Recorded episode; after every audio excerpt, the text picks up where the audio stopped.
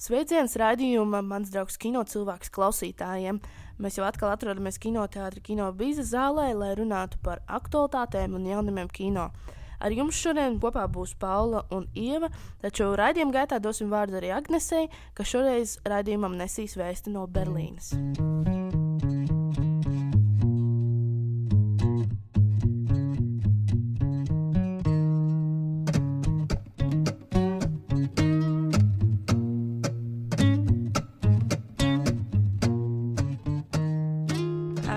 šķiet, ka pirms mēs pievēršamies lielām tēmām, varam parunāt par kino jaunumiem Latvijā un pasaulē, un tāpat arī mums visiem varētu noderēt par kādam komiskam atgadījumam vai komentāram internetā.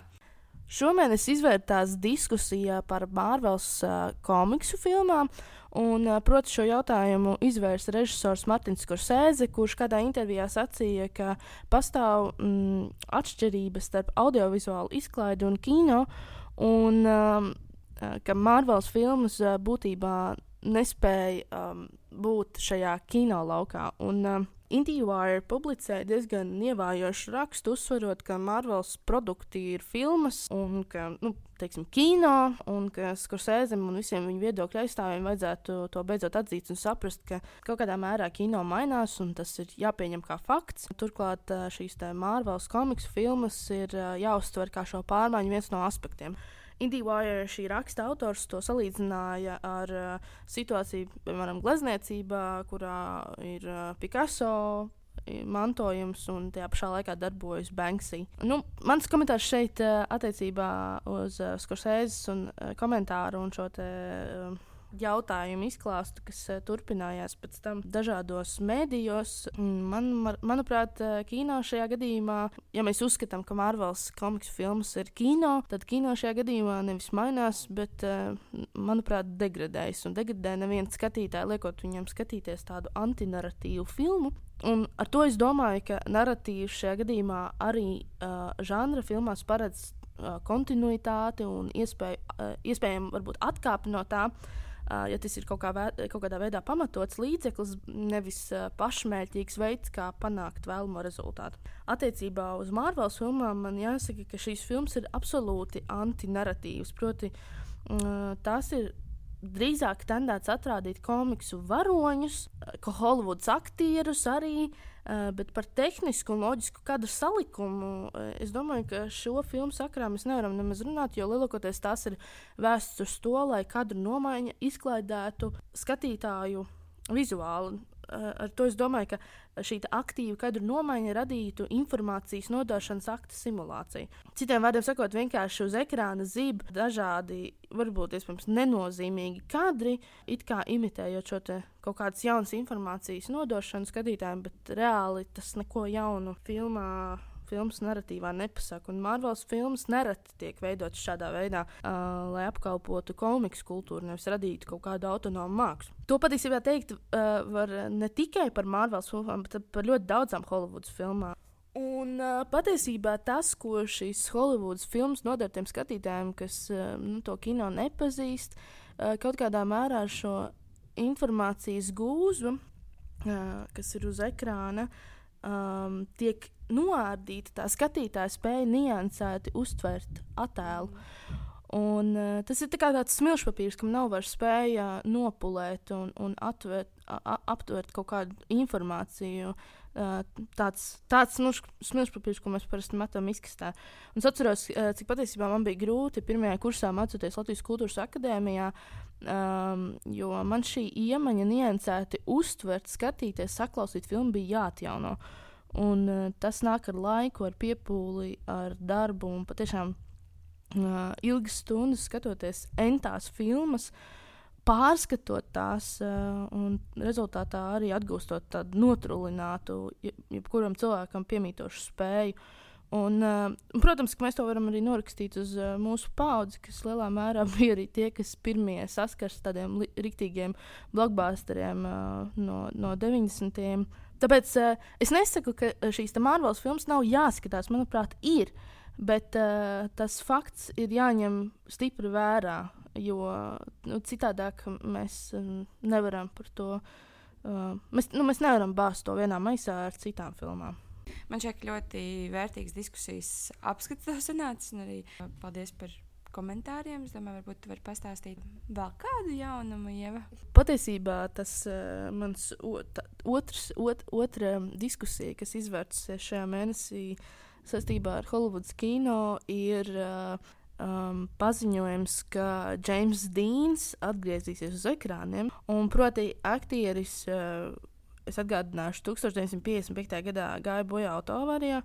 Un, uh, tagad uh, ir dzimusi ideja par uh, filmu, kurā uz ekrāna ar CGI, kas ir uh, tiešā tulkumā datora ģenerēts attēls, uh, ar tā palīdzību, izmantojot fotografijas un uh, reālus dokumentālus uh, kadrus, uh, atdzīvināt Jamesa Dīna varoni uz ekrāna. Un uh, filmas veidotāji atklāja, ka tēmas ietvers būs uh, Vietnams karš, par ko es esmu nu, tik ļoti uh, domīga, jo par šo tēmu ir tapuši vienkārši ļoti daudz filmu. Uh, man liekas, spilgtākais piemērs Kubrika pilns bruņojums, uh, Full Metal Jacket. Es īsti nezinu, kā šis darbs varētu izcelties, bet. Atvaino, bet uh, tu nezini, kā šis darbs varētu izcelties. Tur ir James Deans, kas ir kā, vienkārši datoru ģenerēts. Nu, bet labi, tas būtu arī varbūt iespējams vienīgais filmas elements, uh, kas, kas kaut kādā mērā atšķirtos. Nu, jā, bet, bet saprot, man liekas, uh, tā diskusija jau ir izvērtusies tik tālu, ka citādi Guardian uh, viedokļu rakstā ir teikts, ka visticamāk šī filma. Uh, nekad netaps, jo šāda ideja dod tādu zaļo gaismu atdzīvināt arī citus mirušus aktierus un pārkāpt kaut kādas identitātes morālo robežu. Šeikureku uh, paiet kāds laiks, un uh, cita virtuālās realitātes kompānija sola uh, līdzīgi izdarīties ar vēl citiem mirušiem aktieriem, padarot šo ideju par visam reālu virzienu, kāda dodas uh, kino māksla, kas ir diezgan dīvaini un biedējoši. Jā, tas nozīmē, ka mēs ne tikai izmantojam dzīvos aktierus, bet principā tad, kad tu domā kaut kādu filmas uh, scenāriju, kad tu grasies uzņemt filmu, tad ir tāds, hmm, ok, nu ir tās aktieris, kas ir dzīves, vai arī, kā, nu, ja mēs dabūsim vēl bišķi piķi, tad uh, ir vēl tas mums aktieris. Kā, viņš gan ir mīris, bet, nu, ģenerēsim.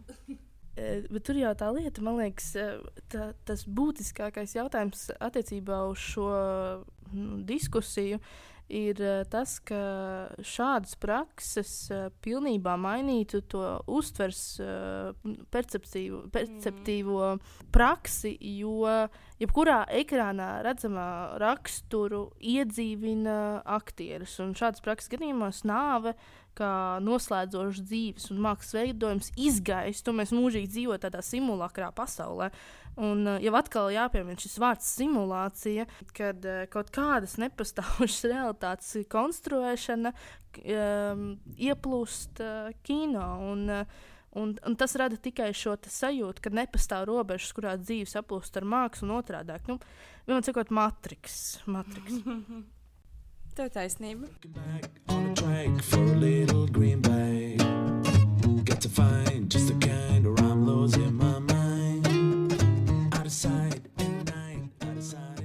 Es domāju, ka tagad mēs varētu pievērsties ne tik ļoti tām uh, lietām, kas ir notikušas precīzi šomēnes, uh, bet uh, vienkārši varbūt vispārīgāk. Un, gan jau tāpat kā daudziem no jums, man mājās arī glabājās tāda varana kaudzīta ar grāmatām, ko gribētos izlasīt. Un, un, uh, un tās grāmatas tikai nāk un nāk klāt. Nesen beidzot pieķēros grāmatai Zudušos kinoteātrus, meklējot, kas stāsta par padomju Rīgas kinoteātru vēsturi. Šajā grāmatā ir ļoti daudz uh, interesantas informācijas, uh, ko es iepriekš, piemēram, nezināju. Un, un, uh, un viss šī kinoteātris sākums man pašai mm, šķiet uh, ārkārtīgi aizraujošs. Un tad es atradu, piemēram, pašā grāmatas sākumā ir, ir uh, viena nodaļa, kas ir veltīta uh, tieši tam, kā kinoteātrī sāka tapt 20. gadsimta sākumā, un man gribējās ar to arī padalīties ar jums. Un, uh, kino izrādes galvenokārt uh, notika veikalu un kafejnīcas telpās, uh, un tad uz izrādes laiku uz filmas laiku tās piemēroja jaunajai funkcijai. Un 20. gadsimta sākumā parādījās arī pirmie koku paviljonu tipa kinoteātri. Piemēram, 1901. gadā uzceltais kinoteātris Ilūzija pie pilsētas kanāla. Bet kas, kas man šeit pavisam aizraujoši, tas, ka 1907. gadā tika uzcelts uh, milzīgs kinoteātris ar 1200 vietām, uh, kuru sauca The Royal Vio. Un tas atradās tagadējo tenisa kortu vietā aiz uh, Latvijas Nacionālā teātra. Un, un šādi, šāda informācija grāmatā ir, ir ļoti daudz, un uh, es noteikti ies, iesaku to izlasīt, ja jums arī interesē kinoteātris un kino aizsākumi. Manuprāt, es tagad zinu, ko uh, es vēlos saņemt Ziemassvētkos, Paula. Man ļoti patīk tie nosaukumi kinoteātriem. Es patiešām sajūsmu. Tas ir. Uh, kā, kā bija tas otrs, kurš bija mūrā ēkā? Jā, pirmais stacionārais kinoteātris, kas uh, atradās mūrā ēkā, Teātrī ielā 10. Viņa nosaukums bija Elektrobioskopa. Jā, un tad vēl bija, nu, piemēram, kādi vēl nosaukumi.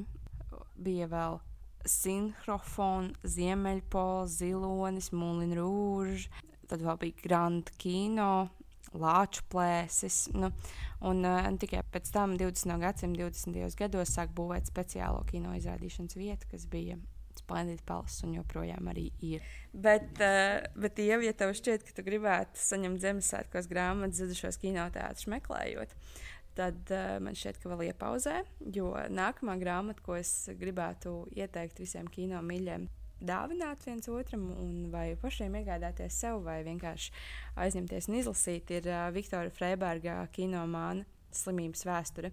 Un tā ir ļoti personiska un drosmīga lasām viela no šīm ļoti iemīļotā kino pētnieka. Es pati nesen arī saņēmu dāvinā ļoti lielu un, un smagu un varenu Tarantino retrospektīvas grāmatu, ka, kuras autors ir Toms Šons. Tā ir izdota par godu Kventina filmas Trakie suņi jubilejai 25 gadu. Tā kā.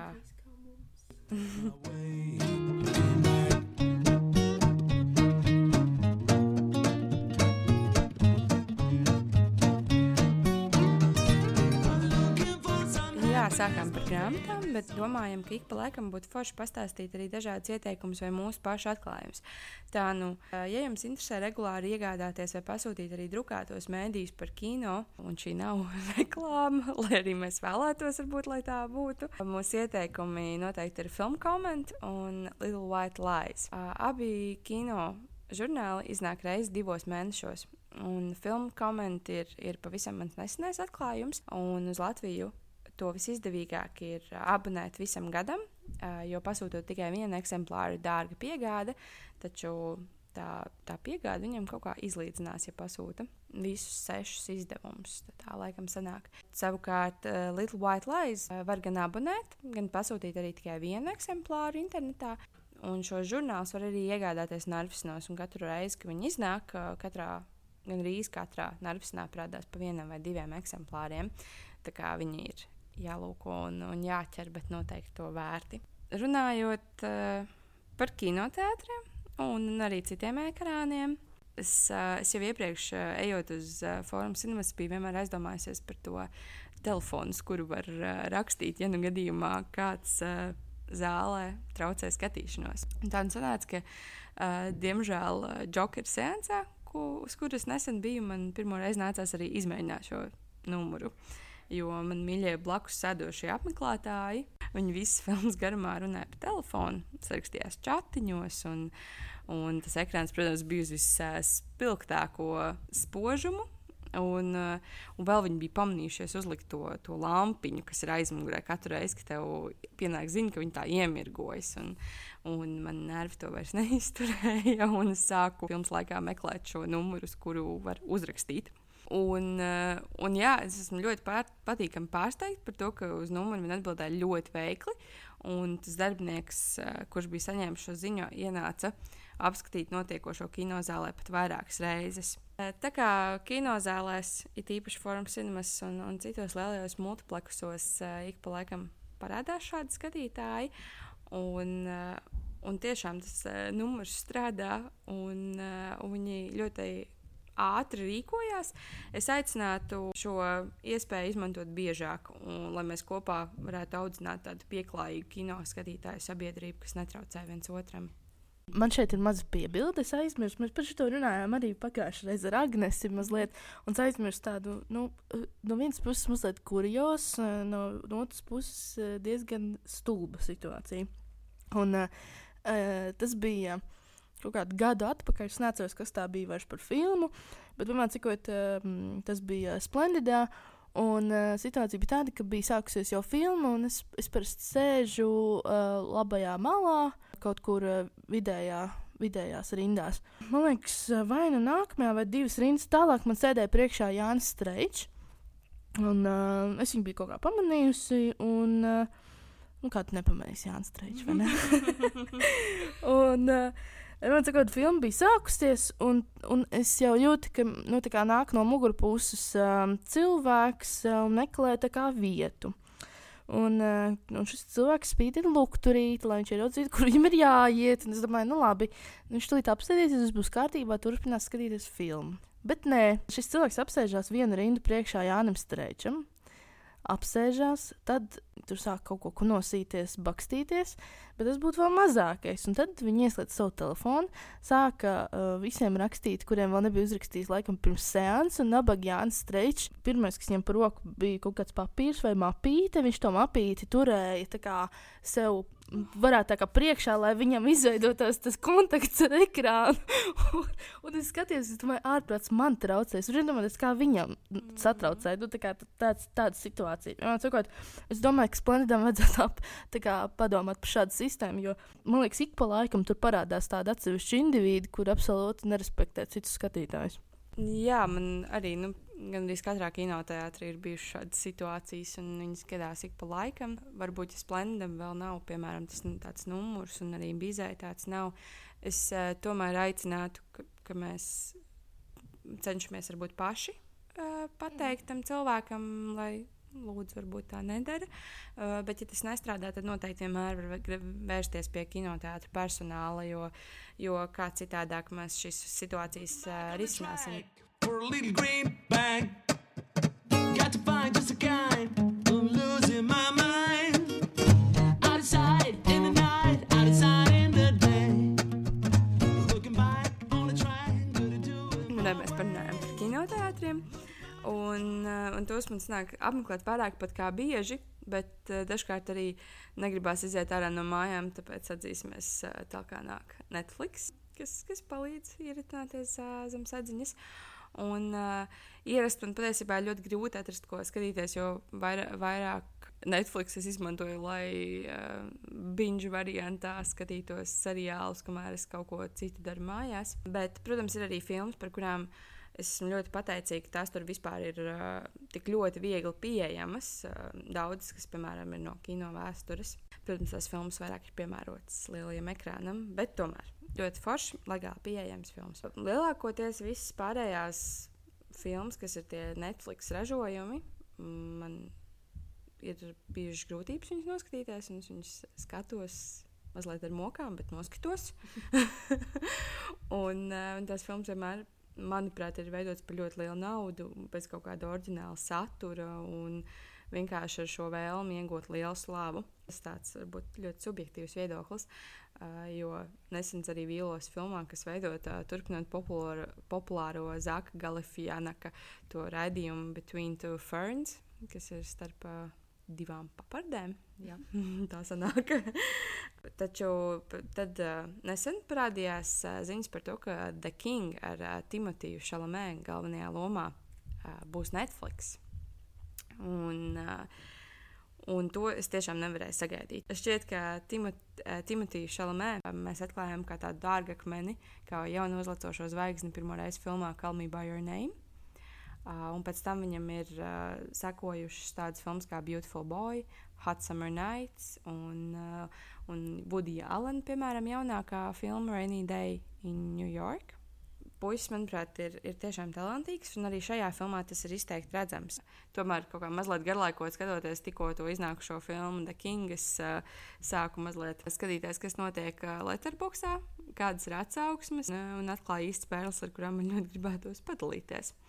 Uh, piemēram, kāds raksta, ka Timotejam nevajadzētu spēlēt vēsturiskās drāmas, jo ir redzams, ka viņš zina, kas ir iPhone. Uh, tāpat arī uh, šajā filmā, kas veidot pēc vairākām Šekspīra lugām, spēlē arī Roberts Patinsons. Tur ir tāds, tāds uh, salikums. Un kāds cits letterbox uh, lietotājs raksta, ka viņš ir bijis skatījies filmu kinoteātrī. Un ainā, kur Roberts Patinsons uh, saka Timotija atveidotajam varonim, I will drain your blood. Tulkojumā es izsūkšu tavas asinis, un daļa zāles jau sākusi ļoti smieties. Un lietotājs norāda, ka laikam krēsls paudze dzīvos mūžīgi, kam laikam daļēji tomēr jāpiekrīt. Bet, bet saprotiet, man liekas, tur atnāk tādi, kuri nu, to krēslas sāgu nepiedzīvoja, vai bija kaut kā nu, ne tajā vecumā, kad, kad skatās tādas filmas. Un uh, viņiem droši vien bija tas, oh, kas tagad notika, kas viņiem bija. kā, kaut kādi atnākuši. Es domāju, ka tas, tas, jā, tas arī kaut kāda tāda paudzes lieta, par ko tu man arī gribēji kaut ko pajautāt, Paul. Jā, nu, runājot par paudžu lietu, Ieva, uh, es pamanīju, ka tu netīšām mūsu letterbox profilam uh, nospiedi kaut ko, ko tu laikam gribēji nospiest tikai savam profilam. Un tas bija uh, tas, ka tu esi noskatījusies spiegu bērnus. Vai tu varētu nokomentēt, kas notika? Es, uh, jā, es ieliku podkāstu Letterboxd profilā, ierakstu, ka mēs esam noskatījušies spiegu bērnus. Ja kāds vispār atšķirās šādu filmu, tas ir uh, 2000. gada sākuma veidojums. Un tas patiešām bija nejauši, jo es uh, domāju, ka esmu savā Letterboxd profilā. Un, uh, Uh, un tāpēc nu, tā iepaustu. Un es nevarēju izdzēst to, to, to ierakstu. Tāpēc tas pats rēcīgākais, man liekas. Bet uh, iemesls, kāpēc es vispār šā, savu laiku tērēju šai filmai, bija atklājums, ka es acīm redzot, piederu pie tās paudzes, un Palta droši vien arī, uh, kas filmas ļoti bieži skatījās televizorā. Un, tā ir tā pirmā kaut kāda kino pieredze, ja tā mēs vispār to varam nosaukt par kino. Uh, Un ierasts šādas prakses gadījumos bija arī kaut kādas reklāmas, pauzes un reizes, kad filmu pavisam nejauši uzslēdz kaut kādā kanālā un sāc viņu skatīties no vidus. un, uh, es uh, pēdējā laikā skat, uh, sāku skatīties arī tādas filmas kā Āķis, kas ir Spilberga, Pītera Pena filma, un uh, Vīri Melnā, un arī Dzens Piegu bērns. Uh, Un, uh, tas bija patiešām ļoti nejauši, jo es atjaunoju savu TV play premium, šī neatmaksāta reklāma.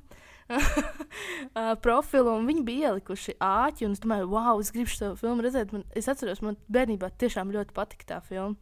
Ne, tas patiešām ļoti interesanti pārskatīt šādas filmas, jo es ieraudzīju to filmu pilnīgi citādā gaismā. Tas, tas bija, bija ļoti interesanti pieredze. Un tad sāku skatīties visu, kas tur ir pieejams no šāda tipa repertuāra. Uh, Un es sapratu, ka es nevienu no šīm filmām neesmu redzējis no sākuma līdz beigām. Nu, kā, no sākuma titriem līdz beigu titriem.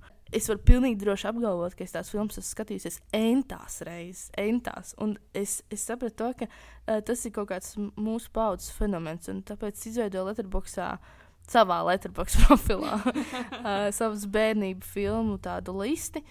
Nu, daļu no tām es esmu pārskatījis tās filmas, bet man Latvijā ir tāds ieradums, ka uh, es nes, tieši šī paša iemesla dēļ nespiežu tās filmas, ka esmu viņas redzējis, jo man nav tādas nu, īstas skaidrības, vai esmu tiešām redzējis to konkrēto filmu no punkta A līdz punktam B. Un man liekas, tas bija Vudijs Alens, kurš teica, ka, ja viņš nav redzējis ne, sākuma titrus, tad viņš nav redzējis filmu vai kaut kā tādu. Mm. Man uh, tiešām ļoti patika tavs saraksts ar filmām, jo jā, es arī piedaru pie šīs paudzes, un es arī visu šīs filmas skatījos. Arī ir, bet arī, nu, kā tu saki, ar, ar visām reklāmas pauzēm pa vidu un, uh, un tiešām entās reizes. Un, uh, man šķiet, interesanti. Es gan lieku, es lieku tās filmas, kā es viņas būtu noskatījusies, bet es viņām nevaru nospiest vērtējumu, jo tas arī, ko tu pierakstīji klāt pie tā saraksta, Tajā sarakstā ir arī filmas, kā piemēram Flaberis un tās uh, filmas, kur bija tās visas dviņu māsas un, un, un viss šis, kas gāja pa TV3, man šķiet tāds populārākais variants. Un, uh, un šīs filmas. Uh, Vē, ja es vērtētu tajā brīdī, kad es viņu skatījos, noteikti tur liktu piecas zvaigznes, tā kā izcila filma. Un tāpēc es tagad to nedaru. Nu, jo, jo no šodienas perspektīvas tās, tās filmas uh, nebūtu ne tuvu piecām zvaigznēm. Bet, nu, bet viņas joprojām ir kaut kāda tā kā tāda mazliet mīļa atmiņa, tā kā mazliet tāda mīļa filma, lai gan es kaut kā apzinos, ka nu, patiesībā jau beigas drāmķītis. Bet attiecībā uz to man liekas, daļai, nu, labi, es būtu pastīsies tās filmas. Nu, Pēc desmit gadiem ar savām zināšanām, kādas man ir tagad, tad varbūt es viņas novērtētu tā dikti strikti. Bet, uh, piemēram, man liekas, tās filmas daļai iegū, nu, iegūst šo vēsturisko kontekstu. Uh, nu, viņš, nu, mēs visi kļūstam vecāki. Līdz ar to arī filmas kļūst vecākas. Līdz ar to tajā brīdī viņai parādās kaut kāda papildus, papildus smagums. Nu, tajā listē bija ļoti daudz, sākot ar Matrixu, Vīri mm. Melnā un beidzot ar, ar Jumanji, ko es arī nesen noskatījos. Bet, atkārtot. Jā. Bet Jumanji tagad jau ir kaut kāda otrā vai trešā daļa. Es neko es vienkārši ne, tas, tas, tas neskaitās. Nu, man liekas, šis ir arī tas laiks, tas 2000. gadu sākums, 90. gadu beigas. Tas ir tas arī sākums, kad parādās kaut kādas. Nu, es sāku skatīties tādas filmas, kurām ir arī uh, nākamās daļas, tie saucamie sīkveli. Nu, Es nostājos spiegabērns divi, bet spiegabērniem trīs man nepietika spēka, jo es sapratu, to, ka, nu, ka tā ir sava veida naudas pelnīšana, tur vairs nav ko skatīties. Bet nu, tādus tarzānus, karalis lauvu un visus šos te man bija kastēs ar, ar pārunātu krievu valodu. Tāpēc es nevienu no tām filmām patiesībā neesmu redzējis oriģinālu valodā. Es zinu tikai to monotono toni. Un tas pats ir arī ar visām tām filmām, kas gāja televīzijā. Un šeit uh, mana piebilde, es pilnīgi piekrītu, jo es arī to āķi, kas ir tā Spilberga filma, es viņu gudvārds nebiju redzējis angļu valodā. Uh, Un es klausos, un tie dialogi ir tik asprātīgi. Es, pa, es tiešām kaut kādos brīžos uh, pat, pat pasmējos. Uh, tas, jā, tas, tas arī ir tāds novērojums, man liekas, ka, un tā arī kaut kāda tāda paudzes lieta, es, es nezinu, citi atkal, piemēram, es domāju, mans brālis, kurš bija par mani vecāks, viņš atkal visas filmas skatījās krieviski, un līdz ar to, nu, krievu valodā, līdz ar to uh, viņš arī droši vien nav dzirdējis tās mm. oriģinālās. Uh, bet fun fact, es atceros, es biju maziņa, un uh, es. Um, nu, man animācijas filmas neskatījos mūcenes, kas ir tā tās īsās formiņas, kas ir, kas ir, ko tu vari skatīties televizorā. Bet tas, pirms animācijas filmas, tas nebija mans katrā, katrā ziņā mīļākais žanrs. Es atceros uh, um, rīznieka. Nē, nē, tas piedzīvojums bija tāda animācijas mm. filma, to es atceros. Jā. Bet to es skatījos kinoteātrī. Uh, un, uh, man bija tāds brīdis, kad es ļoti bieži skatījos vecas latviešu filmas. Man tiešām patīk. Piemēram, viena no manām mīļākajām filmām bija Vēl kalpa. Absolūts mans favorīts. Absolūts. Es tās, to filmu tiešām mentās reizes esmu redzējis. Un bija tāds brīdis, kad uh, es, es pat biju tik ļoti sapņojusies par to filmu, ka man uh, ka es biju kaut kādā mērā iemācījusies tos uh, tās. Uh, komiskās um, ainas uh, tekstus. Mm. Un tad, uh, nu, protams, uh, man radinieki par mani tā kā mazliet iesmēja. Bet tas man likās, man likās tas tās, tās, tā vēl kalpa ir absolūts mans favorīts latviešu kino. Un, protams, arī kaut kāds cits films, bet tas bija ļoti, atceros, ļoti spilgti to. Mm. Tas bija par kastēm un filmām televizorā, bet uh, kas šomēnes uh, aktuāls kinoteātros man šķiet, ka uh, noteikti jāpiemina Gins Silbaloša filma projām. Un tā jau šobrīd ir skatāms kinotētros, tā skaitā arī kino bizē. Un varbūt jau jūs esat to dzirdējuši, bet uh, filmu Gins ir uh, veidojis viens pats. Tādā, tādā absolūtā vientulībā producējis, režisējis, uh, animējis un arī uh, komponējis mūziku, par ko, par ko es biju uh, ļoti pārsteigta. Tas, tas bija mans tas, uh, punkts, ka wow, kā, kā šo var viens cilvēks. Uh, jo mūzika un skaņas uh, tie efekti, kas tur ir ielikti, ir, ir tiešām apbrīnojami. Un, un viņi tieši piedod to noskaņu, to, to meditatīvo sajūtu par, par filmu. Un jāpiebilst, ka šī ir tiešām filma, kas ir jāskatās kinoteātrī uz lielā ekrāna to, tā noteikti nebūs tā, ko pēc kaut kāda laika redzēšu tur televizorā. Nē, šī, šo ir absolūti obligāti jānāk skatīties uz kinoteātri. Un ar Gintu ir arī ļoti daudz foršas intervijas, kuras es eh, noteikti arī ieteiktu palasīt, piemēram, pēc filmas noskatīšanās. Un, um, man patika viens uh, nosaukums, kas bija uh, intervijā ar viņu, kuras nu, tas nosaukums bija pašam viss jādara. Un man šķiet, ka mums uh, visiem dzīvē, tiem, kas ir mazliet pārstrādājušies un, un saguruši vairākos darbos, noderētu tas ha tāds hashtags pašam viss jādara. Bet, lai kā filmā ir, ir kinoteātros un pievienojieties šim ceļojumam. Ja varbūt tev vēl kāds ieteikums, ko varētu vēl apskatīt kinoteātros šomēnes? Mm, jā, man liekas, tas ir kaut kā interesanti, ka kinoteātrī ar vien biežāk parādās kaut kas interesants no žanra. Un arī šomēnes kinobizē no 21. novembra skatāma filma Dubultā dzīve nonfiction, kas ir uh, franču filma. Man patīk, kā, kā to asprātīgi raksturojas arī režisors. Viņš saka, ka tā ir kārtējā, saldsērīgā franču komēdija. Uh, fil, un ir iegūts arī labas uh, atsauksmes. Es domāju, ka šī, šis varētu būt arī tas gadījums, kad atnāk tā nostīties uh, filmu pie vīna glāzes, būtu tieši laikā. O, jā, es tev pilnīgi piekritīšu. Šī tiešām būs uh, īstā uh, filmu, pie kuras arī izmantot uh, kino bizi bāriņu jau no. bet, uh, bet, ja tomēr negribās nākt uz kinoteātri, tad, uh, tad es ieteiktu atrast uh, What We Do in the Shadows filmas turpinājumu, kas ir izvērsts par seriālu. Uh, tam tagad ir pieejama jau pirmā sezona, desmit sērijas, kas nav garas, kādas 20 minūtes. Un tas būs uh, absolūts baudījums ne, ne tikai mockumentāriju žanra piekritējiem, bet arī, arī pārējiem, jo uh, seriāls ir piepildīts ar tiešām tādu ļoti gaumīgu humoru. Un es, es ļoti, ļoti, ļoti gaidu otro sezonu, kas, kas iznāks uh, 2020. gadā. Lai, lai nebūtu tā, ka mēs tikai kaut ko runājam un stāstam jums visādas lietas. Mēs paskatījāmies arī, uh, ko runā tauta. Un ar Dēlφiem, protams, ir tā, ka ātrāk var nopirkt neplānot kaut kādu putekļu sūcēju, nekā nonākt tiešām līdz tai komentāru sadaļai. Uh, bet pēc tam, kad man bija izlikuši vēl kaut kādi pi piecas reklāmas, kurām es tur, tur spiedu, tur show later un, un, un tos īksiņus visu, es nonācu līdz komentāriem. Uh, un tas bija tieši rakstam par dvēseli puteņa pirmizrādi. Un es nu, gaidīju, kā nu, parasti, kad iznāk kāda latviešu filma, tad tiem delfiem ir, ir tādi komentāri. Tur uh, pavarās baigā, baigā tāda indes, tāda burciņa uh, cilvēkiem. Bet patiesībā, jā, zem šī raksta nebija pilnīgi viens slikts vārds nu, kāds pa vidam tur aprunāja to sabiedrības krējumu, kā iebļāvās, ka kāds var pateikt, kāda tad bija tā filma, un visi tik izmisīgi centās dabūt kaut kādu viedokli no citiem anonīmiem delfu komentētājiem. Bet, bet nē, un arī uz šiem uzbļāvieniem, kā, kāds tur visu laiku pamanījās atbildēt, ka nē, bet filma ir lieliska. Bet pa vidu tam bija arī kaut kāds smieklīgs komentārs par to, ka vai tad tiešām nevarēja piesprāst to uh, lentīti. un, un tas man liekas, tā kā kāds sakas. Nu, jā, es domāju, ka mums ir latviskāka kļūstam, nu, tās lentes piesprāst. Nu, bet, protams, ja tu ej uz dvēseli putenu lentīte, ir pilnīgi nepieciešams. Absolūti, tas ir nepieciešams. Man šķiet, ka vispār kino biļeti nevajadzētu pārdot cilvēkiem, kas nav pielicis lentīti.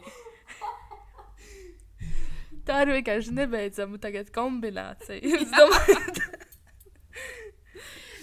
Labi, es atvainojos, bet, uh, bet ir arī. Uh, es atklāju arī ļoti interesants fakts par, par filmu Dvēseli Putens uh, vienā no šiem portāliem, un tas bija TVNets, uh, kur bija rakstīts, ka ainai, kur uh, Miķelsons, ko, ko atve, attēlo aktieris Jākaps Reins, uh, Eh, skaļi lasa priekšā uzsaukumu doties strēlniekos. Un, un visā Latvijā tika meklēta govs, kurai būtu iespēja nostāties uz muguras. Un 20. gadsimta sākumā Latvijas saimniecībās bija izplatīts tās Latvijas zilās govs, tāpēc filmas veidotāji izvēlējās tieši šo šķirni.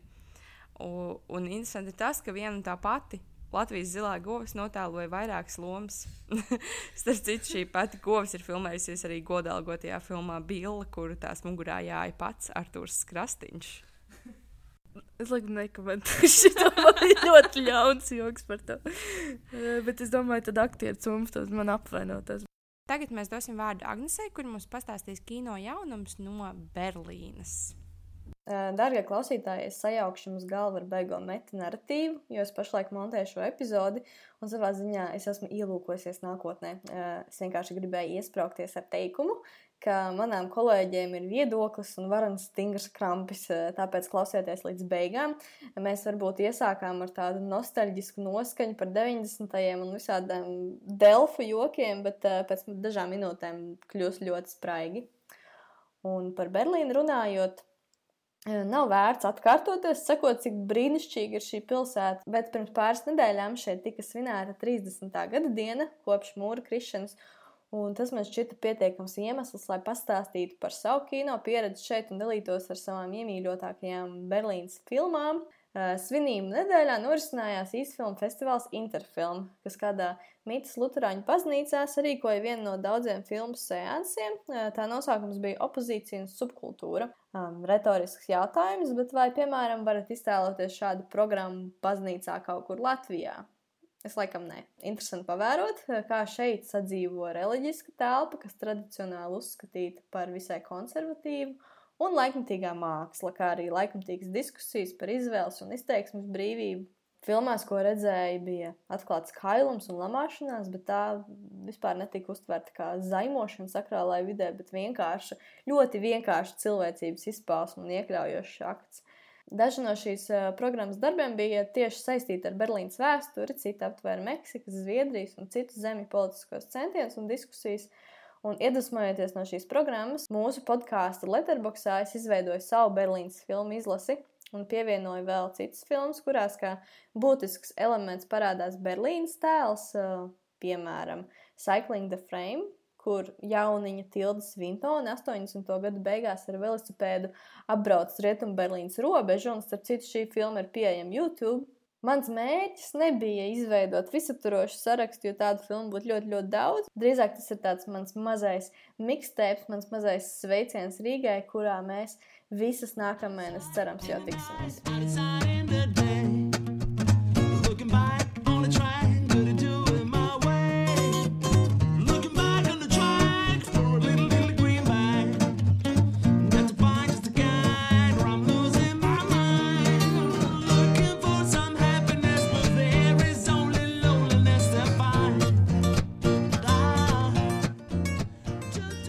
Mums atkal atkārtoti ir uh, jāpas, jāpateic Alisai Sietniecei par uh, mūsu internetu raidījumu vizuālo identitāti.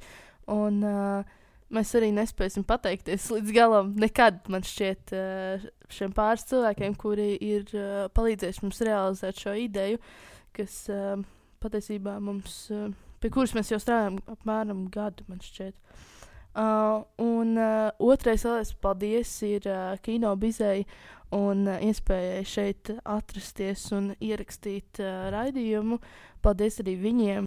Protams, paldies arī skaņas un gaismas nomai skaņa gaisma.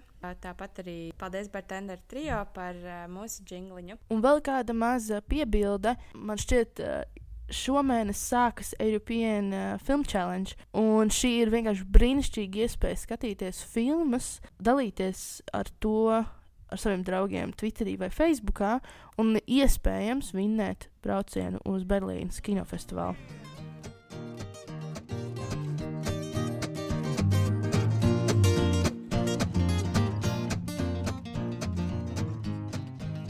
Pagājušajā nedēļā īsi pirms lielā Kristapa atklāšanas tika publicēts kinozinātnes un portāla kino raksta līdzautors Elīnas Reiters raksts Lielā Kristapa mājaslapā ar eh, nosaukumu Vai varam runāt par Latvijas kino jauno vilni? Un šis jautājums ik pa laikam ir izskanējis arī publiskajā telpā. Tiek runāts arī zin, par aktīvu filmu ražošanu pēdējos gados, un īpaši uzsverot uh, Latvijas filmas Latvijas simtgadē programmas filmu klāstu. Uh, un it kā tādējādi norādot uz tādu kā filmu uzplaukumu Latvijas kino vidē. Un, uh, arī režisors un Latvijas Kultūras Akadēmijas pasniedzējs Pēters Krilovs intervijā Latvijas radio nesen sacīja, ka Latvijas kino valda ļoti labs klimats. Ienāk uh, arī jauni autori un arī parādās filmu dažādība. Un, uh, tas, par ko mēs šodien gribam parunāt, uh, un, uh, gribu tev jautāt, Paula, vai kino uzplaukums Latvija, ki, Latvijas kino vidē nav mazliet tāda šķietamība? Un šeit atkal mums jāatsauc uz raidījumu mans draugs kino cilvēks iepriekšējo epizodi, uh, kur mēs runājam par kino kritiķa lomu un atbildību.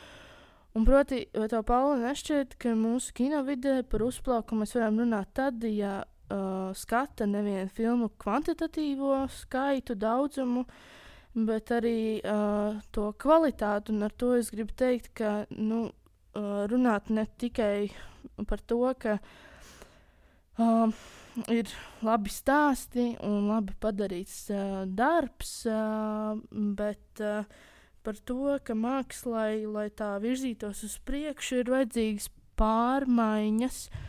Un, uh, Un, un ar to es gribu teikt, ka kino tas ir mūžīgais jautājums par to, nu, par filmu veidotāju spēju pasniegt savu vēstījumu ar kino valodas līdzekļiem. Tas, jā, tas jautājums bija par to, vai tavuprāt tas ir kaut kādā veidā saistīts.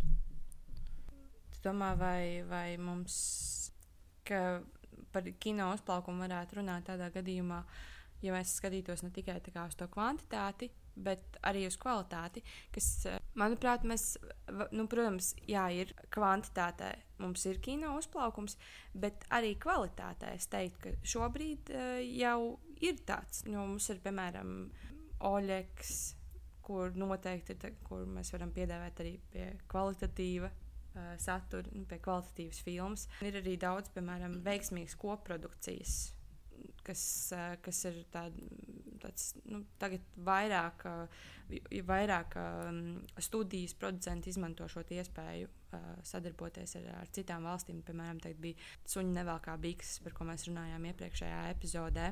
Bet man patīk tas, ka tu mini par, par to. Dažādību, ko arī Pēters Krilovs pieminējās tajā Latvijas radio intervijā, jo ir ļoti būtiski runāt par dažādību. Nu, par to, ka mums nav tikai uh, tādas vienveidīgas drāmas, vai, vai tikai vēsturiskās filmas. Tā dažādība jau lēnām ienāk, un, un man patīk tas, ka tiek uzsvērts, ka tā dažādība mums nāks ar, ar, jauno, ar jauno kino veidotāju paudzi. Kas ir izmācījušies ārzemēs, citās skolās, dabūjuši sev jaunus domu biedrus no citām valstīm, kuriem kopā var veidot tās sadarbības, koprodukcijas, bet arī tas skats ir tāds mazliet ārpus Latvijas. Tas uzrei, un to uzreiz filmās var just, un var just arī tajās tēmās, par, par ko filmas tiek veidots. Nu, piemēram, man šķiet, ka tas projekts, kas, kas šobrīd top Matīsam Kažam, kas būs pirmā, pirmais westerns Latvijā, tas ir pirmais, vai ne? Uh, ka, ka tas ir nu, tā, gan noteikti arī ar režisoru. Uh, tas, tas režisoram interesē šis žanrs, bet arī nu, man šeit, ka Matīs nā, nāk šeit ar tādu pilnīgi citu skatu, izmācījies uh, augstskolā Amerikā, nevis pie mums filmu skolā, piemēram. Uh, es tev pilnīgi piekrītu par to dažādību.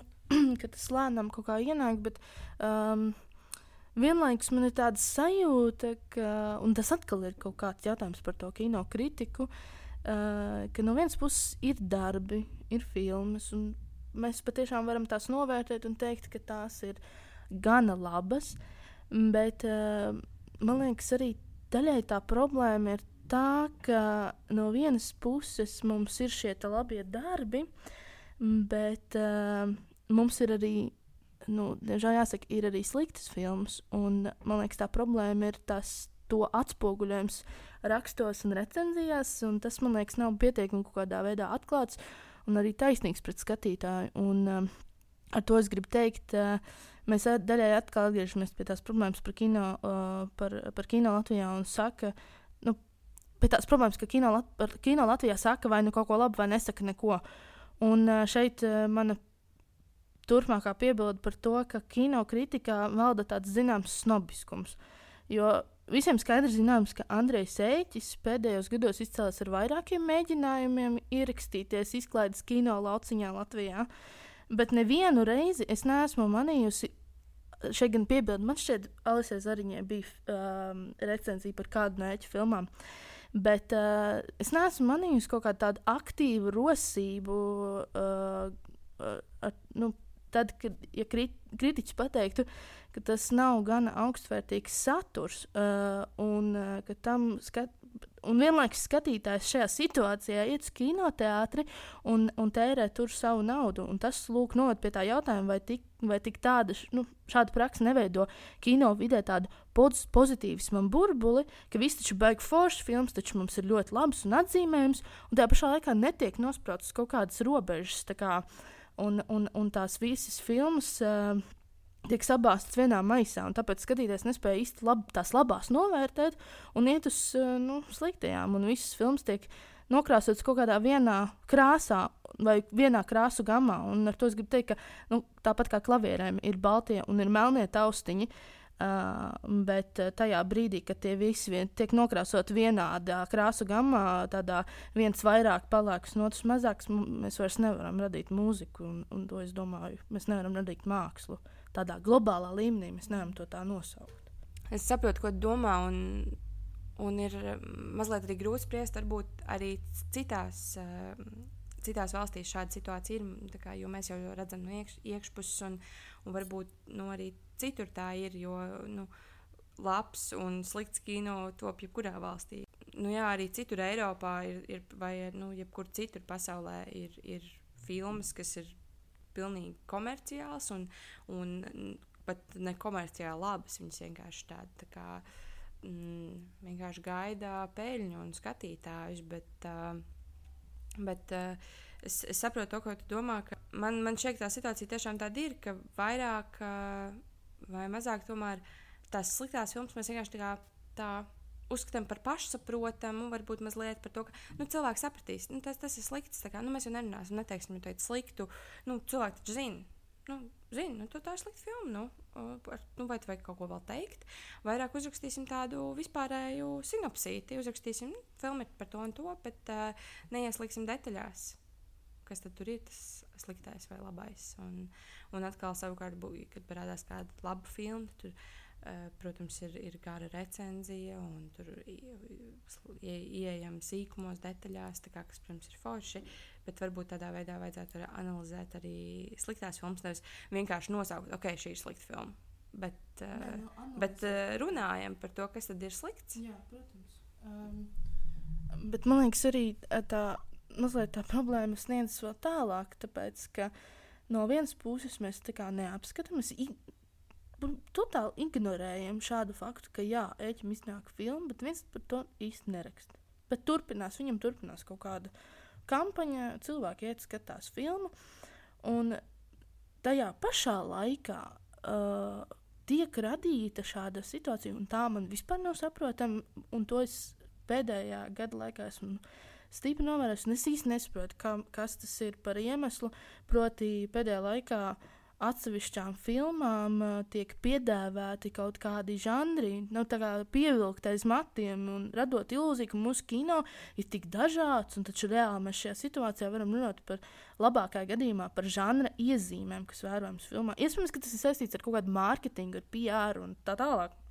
Bet šāda praksa atkal rada šo iluzoro situāciju, ka mums taču tas kino ir tik bagāts ar visu, ko tikai ej, skaties un norīja vesels.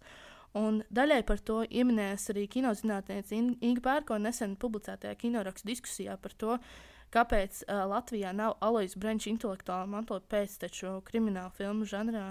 Un šeit gribēju nocitēt, viņa teica, problēma ir uh, zināšanu trūkums, vispār intelektu trūkums, kas, manuprāt, tomēr ir raksturīgs ļoti daudzām mūsu filmām. Un otrs, tātad, lai taisītu žanru kino, nav jāfokusējas uz sevi, bet mūsdienu latviešu kino ir ļoti narcistisks, narcistisks un ļoti orientēts uz pašu veidotāju neirozēm un dažādiem pārdzīvojumiem. Un principā tādā veidā žanra kino nevar taisīt. Un šeit tā situācija rodas. It kā no vienas puses uh, mums ir filmas, Acīm redzot, eh, tas nevienam nav noslēpums, ka lielākoties mūsu kino vidē režisori grib darboties autoru kino laukā. Jā, šur un tur ir vērojams kaut kādas dažādas žanra iezīmes, bet šī situācija, ka tam tiek piedāvāta un, un, un tas parastais skatītājs, kurš nav tajā kino vidē, viņš kaut kādā veidā notic tam, ka, oi, mums tas ir žanra filmas, mums tas ir tas. Protams, žanrs relatīvi. Relatīvi, tāpēc ka vairs jau grūti nosprost kaut kādas robežas žanrā. Bet, nu, es nezinu, man liekas, vienkārši šī situācija, kad skatot, skatītāji baro ar tādu informāciju, ka mums žanra kino Latvijā ir kaut kādā veidā muļķīga. Jā, es tev absolūti piekrītu, jo žanri tiek pievilkti klātām filmām, nu, kas, kas mums te ir kaut kādi piemēri, varbūt blakus, piemēram, ir road movie. Nu, nē, nu, es, es teiktu, ka vairāk tā ir vienkārši komēdija, vai kā tu teici, sociāla. Komēdija. Sociāla komēdija, ar, romantiska komēdija. Ar road movie žanra elementiem, bet tas nav road movie vai Jo, piemēram, 1906 ir kā trilleris. Un tad vēl gadījumi, ka vienkārši mārketinga nolūkos tiek pievilkt klāt, piemēram, tur nekas mūs neapturēs, ir kaislas drāma. Ko tas vispār nozīmē? nu, tikai... Ko tas vispār nozīmē nopietni? Jo es, nez, es nezinu, es saprotu, ka tas ir PR, ka tas ir mārketings un la la. Bet ko tas pasaka par kino kaislas drāmu? Ko tas nozīmē? es domāju, ka vienkārši ar šo ir, ir ir, tas ir tāds centiens eh, iedot kaut kādu informāciju, lai skatītājs iet uz to filmu. Ah, ok, nu, reku kaislas drāma. Skatīsimies, kādas ir tās kaislības. Nu, nu, kaut kā tā. Jā, un kaislas drāmas. Uh, centrālais elements ir noteikti vīrietis, kurš dzīvo ar trim savas dzīves sievietēm. Nu, mm, nu, tas ir tas, par ko Inga Pērkona runā. Par to, ka uh, šis kino ir orientēts uz pašu veidotāju neirozēm tas ir tieši tāds piemērs.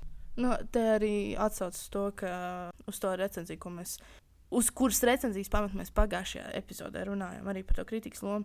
Nu, es, ne, es negribētu šo filmu kritizēt, jo es vēl ar vienu to nesmu noskatījies, uh, bet uh, acīm redzot, tas šīs recenzijas, un, un patiesībā tā bija tikai nu, šāda skaļākā recenzija vienīgā. Man šķiet, Sonora Broka bija kaut ko norādījusi savā recenzijā.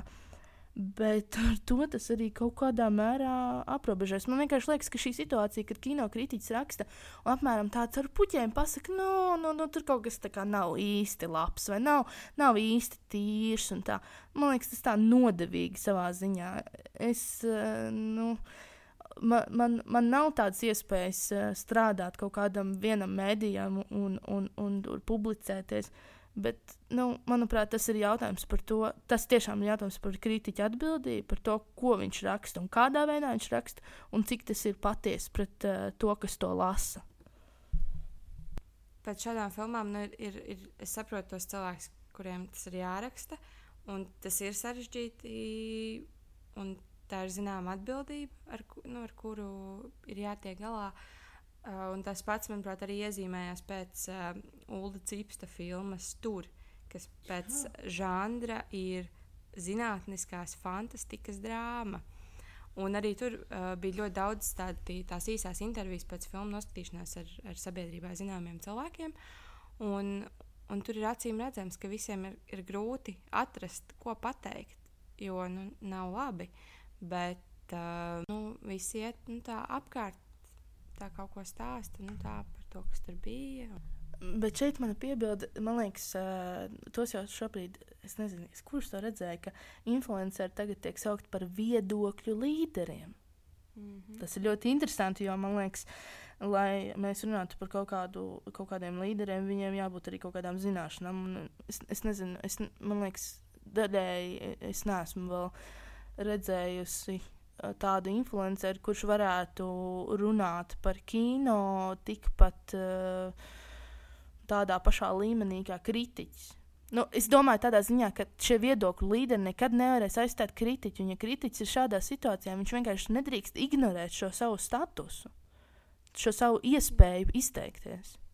Jā, papildinot, papildinot tevi, vienā preses seansā izskanēja arī tāda frāze, ka uh, šie viedokļu līderi ir jaunie mēdīji. Mums, mums nav tikai tur ir sestdiena un, un šādi mēdīji vai, nu, vai portāls, tur kino raksta satorija, bet katrs šis cilvēks ir kā vesels mēdījis.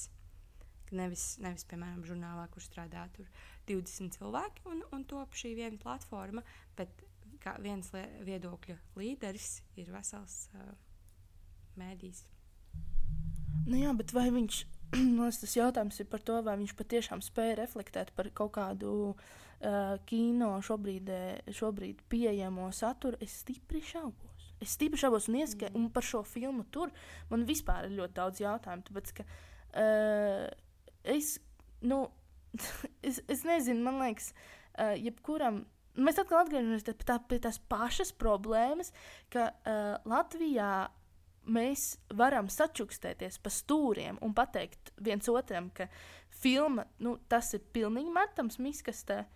Un tajā pašā laikā, kad mums ir iespēja izteikties un pateikt publiski un paņemt šo atbildību sev un, un, un godīgi uh, un atklāti tam skatītājiem pateikt, ka šis ir pēdējais, ko skatīties, mēs to neizmantojam. Un man liekas, ka tas ir Tas ir būtībā jautājums, jo man liekas, eh, ja mēs runājam par šo kino uzplaukumu, mums ir jādomā arī par to, kā tas tiek, at, nu, jā, kā tas tiek uh, atspoguļots mēdījos. Un acīm redzot, kino kritiķi neizmanto šādu iespēju, un viņu vietā ienāk šie influenceri un viedokļu līderi, kuriem vispār ir tik minimāls zināšanas, ka nu, tas ir zem kuras katrs kritiķis.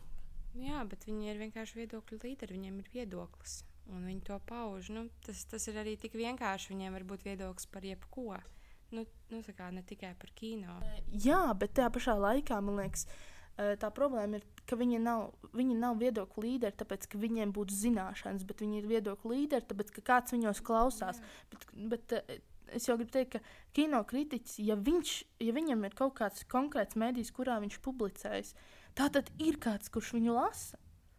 Un tā ir tā pozīcijas eh, kaut kādā mērā, nu, tā, tā ir tāda nolaidība savā ziņā, jo, uh, manuprāt, arī tā. Nu, šobrīd arī tāda sajūta, ka it kā mēs runājam jā, par to kino vidi un la la la, un tajā pašā laikā mēs nevaram, mēs, mēs kaut kā izlaižam šo kino kritiķu to posmu, bet tas ir ļoti svarīgs, lai mēs vispār varētu, nu, par kādu kino uzplaukumu mēs vispār varam runāt, ja, ja piemēram, tas netiktu vispār atspoguļots presē. Nebūtu nekāds uzplaukums. Cilvēki neiet uz kino, viņi neko nelasītu un tā tālāk. Protams, ka mēs to varam norakstīt. Presē. Nu, arī ne tikai presē, jā, bet, eh, bet eh, nu, tas palikt uz tiem viedokļu līderu pleciem. Nu, tad, par, nu, tad tur, tur ir briesmīgi. Nu, jā, es domāju, vienkārši tiem influenceriem ir tas ir centiens pievilkt uh, lielāku auditoriju, uzrunāt lielāku auditoriju, ne tikai tos, kas uh, lasa žurnālus, laikrakstus vai kaut kādus konkrētus tur, uh, mēdījus internetā, bet tas influenceris uzrunās kaut kādu plašāku publiku, un tad tā mēs tiksim pie tiem mm. uh, daudzajiem uh, skatītājiem katrai filmai. Es nezinu, gru, man grūti spriest, un es arī saprotu to. Uh, to bailību, kas ir uh, kinokritiķiem. Un, un ir grūti, un, un tur ir uh, vajadzīga nenormāla drosme uh, šajā mazajā peļķītē izteikt savu, ļoti, nu, savu patieso viedokli. Es tev piekrītu, bet um, es gribēju atgriezties vēl pie tā jautājuma par to, uh, kāpēc ir svarīgi runāt par, tām, par to žanru filmu vajadzību un klātbūtni. Un arī šajā diskusijā, kas bija par Alois Brīsīs un par kriminālu filmām, par to, kāpēc mums nav pēc tik ilga laika perioda nav bijis, nu, nav, nav tāds, nu, nav arī tāda režisora, kas ļoti um, skrupulozi un kvalitatīvi strādātu pie žanra. Uh, un, uh, nu, tur izskanēja dažādi minējumi, ka Nacionālais kinocentrs varētu veidot kaut kādu projektu pieteikumu īpašu vai vēl kaut ko, ko viņi ir darījuši laikam pirms tam, bet tas īsti nav izdevies. Uh, kas ir, man liekas, ļoti pozitīvi. Jo uh, kāpēc man šķiet, ka ir svarīgi runāt par, to, par šo žanru filmu klātbūtnes vajadzību? Jo tieši tādā veidā mēs spētu izcelt arī to autoru kino klātbūtni, dalīties jaunos kino iespaidos, gal galā reāli liktu manīt kino attīstību. Bet līdz tam tā ir tāda tukša runāšana un, un uzbūršana, šīs ainas uzbūršana. Turklāt, uh, tas, ja mums būtu šādas kvalitatīvas žanra filmas, uh, vai, arī, vai arī kāds, kurš uh, tiešām mm, darbotos šajā žanrā un liktu manīt, ka skatītāji iet, viņiem patīk, viņi, uh, viņi nu, jā, viņi kritiķi arī par to, piemēram, labi atsaucās, tad arī autoru kino būtu mazliet.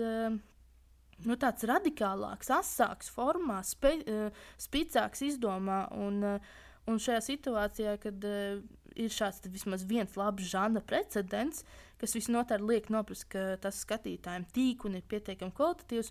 Uh, mudinātu arī tos autors sasproties, lai viņu darbus nejauktu vienā maisā ar visiem pārējiem. Līdz ar to uh, tas noved pie tā man ļoti sāpīga jautājuma, kas ir, uh, ka, ma, nu, jā, manuprāt, vienkārši mēs varam runāt par labām filmām, par labi padarītu darbu Latvijas kino, bet mēs, es nezinu, man, man, man pietrūkst tas uh, radikālais kino, ko Uh, arī poļu režisora Agnēška Holanda teica intervijā Alisē Zariņai un arī pēc tam Satorī, uh, ka kino jābūt radikālam, tam jāsniedz pāri iztēles robežām. Un šeit viņas citāts, es domāju kaut ko, kas patiešām paplašina robežas un neriņķo vienā un tajā pašā psiholoģisko problēmu lokā, kā piemēram pieaugšanas stāsti un tam līdzīgi.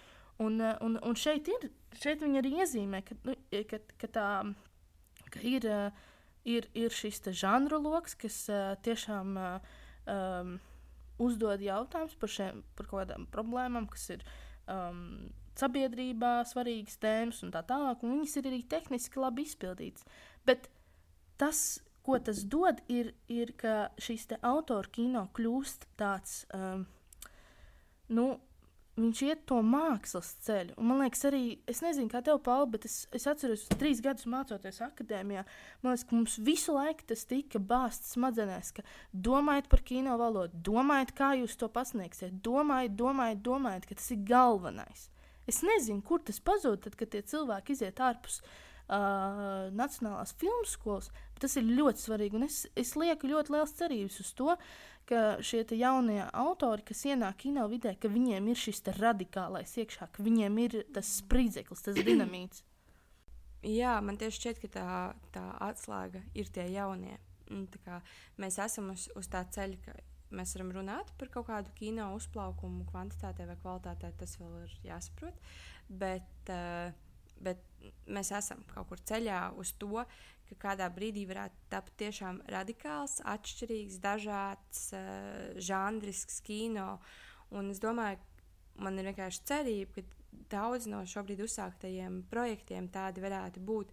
Tā kā mēs nesen arī runājām par, par to, ka Dāvim Sīmanim top filmu gads pirms kara, kas uh, varētu būt tāds uh, ļoti traģikomisks seriāls uh, ceļojums uh, uh, 1913. gadā. Un, uh, man šķiet, ka šis būs viens, varbūt šis varētu būt viens no tiem. Un, un es ceru, ka tādi piemēri bū, un tādas filmas būs vēl. Es tev pilnīgi piekrītu. Arī lieku šo filmu ļoti liels cerības, jo man jāteic, ka, piemēram, Zīmeņa filma Escaping Rīga ir, manuprāt, viena no um, nu, skatītāju izaicinošākajām. Uh, manuprāt, nu, tas, tas vienīgi mans viedoklis, uh, viena no desmitgades labākajām filmām. Um, nu, es tiešām ļoti ceru, jo man liekas, arī Dārzs Simons to arī vairāk ir atkārtojis, ka ir vajadzīgs šis te, nu, ekstrēmais kino, ka, ka nu, tas balansē starp tādu nu, ļoti um, ekstrēmu eksperimentu un uh, vienlaikus šo žanru. Tāpēc tas ir autora kino, viņam ir jābūt kaut kur pa vidu, bet tad, kad tas viss liek kaut kā tiek novienādots, es nezinu, vai, tas, vai tāda situācija ir stipri nu, mm, labvēlīga. Tas man arī kaut kā personīgi biedē, dažkārt nomāca un arī sadusmo, uh, ka, ka, nu, ka nav kāda, kurš atnāk uzsidūri galvā, galdā un pied... galvā, arī galvā, un piedāvā savu kino valodas ceļojumu un izaicina to skatītāju un izģērb viņa idejas un domas pilnībā un pārsteidz to, to ar formu, ar vizuālu pieeju. Man liekas, tas ir ļoti svarīgi, un es kaut kā, es arī, nu, tas arī nav ne tikai Latvijā, man šķiet, kaut kādā mērā es to arī redzu pasaulē. Man tagad pēc Rīgas starptautiskā kinofestivāla es, es tiešām nu, labi, suņa nav kā biks, uh, varētu būt mans favorīts šogad, bet uh, uh, tajā pašā laikā es nejūtu, ka ir šīs radikālās kaut kādas formas. Un, uh, man vienkārši šķiet, ka ir pāris Uh, kā ar pāris labiem stāstiem, labi izdarītu darbu, izteikti tādā mērenā stilā, nu, ir, nu, ir par maz, lai mēs runātu par kaut kādu kino tādu pilnbriedu. Nenoliedz, ka nu, kino patiešām ir labs klimats, to, ko saka Pēters Krilovs, bet uh, nu, vajag tādas balsis, kas ierunājas, un visi tās sadzird, nevis ruporu, kas tikko to balsi padara tikai skaļāku. Un, uh, nu, tas ir kā to akmeni iemest ūdenī, un, un, un ir šī viļņošanās. Bet mēs visu laiku aprobežamies ar tādu mazo olīšu mešanu ūdenī, kur viļņošanās pazūd pēc pirmajiem trim vilnīšiem. Un, un, un tā visu laiku, man liekas, tur vajadzīgs tāds riktīgs blieziens. Uh, Un ar to es negribu teikt, ka kino Latvijā veido vienkārši aiz neko darīt. Nu, ka, tas, ka tas, kas ir šobrīd, tas viss ir slikti. Nē, Bet to, ka tam pietrūkst jaudas, jā, to es gribu teikt. Un no šī papildus tā burbuļu uzpūšana, kas ir tajā kritiķu laukā, arī, arī apskatnieki un visi, kas to raksta un, un, un uzpūš, man vienkārši šķiet mazliet tāda nu, stulba. Un tā vietā, lai mazliet eh, pabakstītu to režisoru ar vismaz tādu minimālu, izvērstu un, un, un pamatot kritiku, Mēs to tā kā glaudam pa spālēm, liekam, nocēt, ka viss taču ir pozitīvi, viss taču ir ļoti labi un tā tālāk. Tik turpiniet un turpiniet. Un viss dzīvo tādā apmierinātībā un eh, tiek radināts pēc sejas, ka tas taču ir normāli. Daļēji es domāju, ka tas tā, tā ir. Eh, tas iemesls tam ir, eh, ka ar kritiku Latvijā mēs nevaram nopelnīt maizi. Nu, tādā ziņā, ka uh, kritiķis darbojās vēl papildus kaut kādās citās institūcijās, lai viņš nopelnītu naudu. Un vienlaikus sanāk tā, viņš raksta recenziju, un tajā pašā laikā viņš pirms tam strādā pie tās pašas PR kaut kādas uh, vai, vai mārketinga vai, vai, vai kaut kādā, nezinu, kultūra kapitālā vai Nacionālajā kinocentrā. Nu, tur tāda dubultošanās, tāda dualitāte veidojas. Nu, atkal no otras puses, tad uh, kāpēc nav? Nu, Es nezinu, ka kino rakstos ir tagad eh, tāda rubrika, vārds jaunajiem laikam vai kaut kā tā. Bet tajā pašā laikā man liekas, ar to nepietiek, ka ir vajadzīga vēl kāda platforma, kur ļaut tiem jaunajiem izpausties. Mm. Jo tieši to mēs arī, nu, tāpat kā kino nu, režisori tajā pulciņā, mēs gaidām kaut kādus jaunus un uh, stipri. Uh, ekstrēmus režisorus, kuri, uh, kuriem ir skaidrs, ko viņi grib redzēt uz ekrāna. Tāpat mēs arī, uh, es domāju, gaidām tādus uh, filmu kritiķus, kuri vai, vai, vai kino pētnieks, ma, nu jā, nu, kino pētnieks tas ir mazliet cita kategorija, bet kino kritiķus, kuri skaidri zina, uh, ko viņam nozīmē kino un viņ, ko viņi grib redzēt uz ekrāna. Man ka mēs esam devuši iespēju ievai izpaust visu, kas bija kārtīgi sakrājies. Mēs esam vienojušies, ka mēs gaidām Latvijā ienākam radikālus kino kritiķus un radikālus uh, kino veidotājus jau pirmkārt. Uh, paldies, ka klausījāties mums arī šoreiz, un tiekamies pēc mēneša. Tāpat arī neaizmirstiet sekot mums uh, Facebook, Twitter, Letterboxd, YouTube, kuru ne YouTube mēs neesam. Mēs vēl neesam. Mēs vēl neesam. Nu, tad, mēs esam ieguvuši viedokļu līderi. Jā.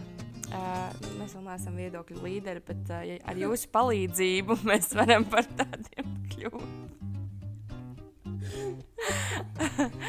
Bet, uh, jā, sekojiet Facebook un Twitterī, kur mēs ik pa laikam arī uh, ieliekam kādus filmu sarakstus un, uh, vai dalāmies ar kādām foršām uh, recenzijām. Tāpat arī sekojiet Letterbox, lietojiet Letterbox. Um, un, un tiekamies nākamreiz Spotify vai SoundCloudā. Looking upstairs,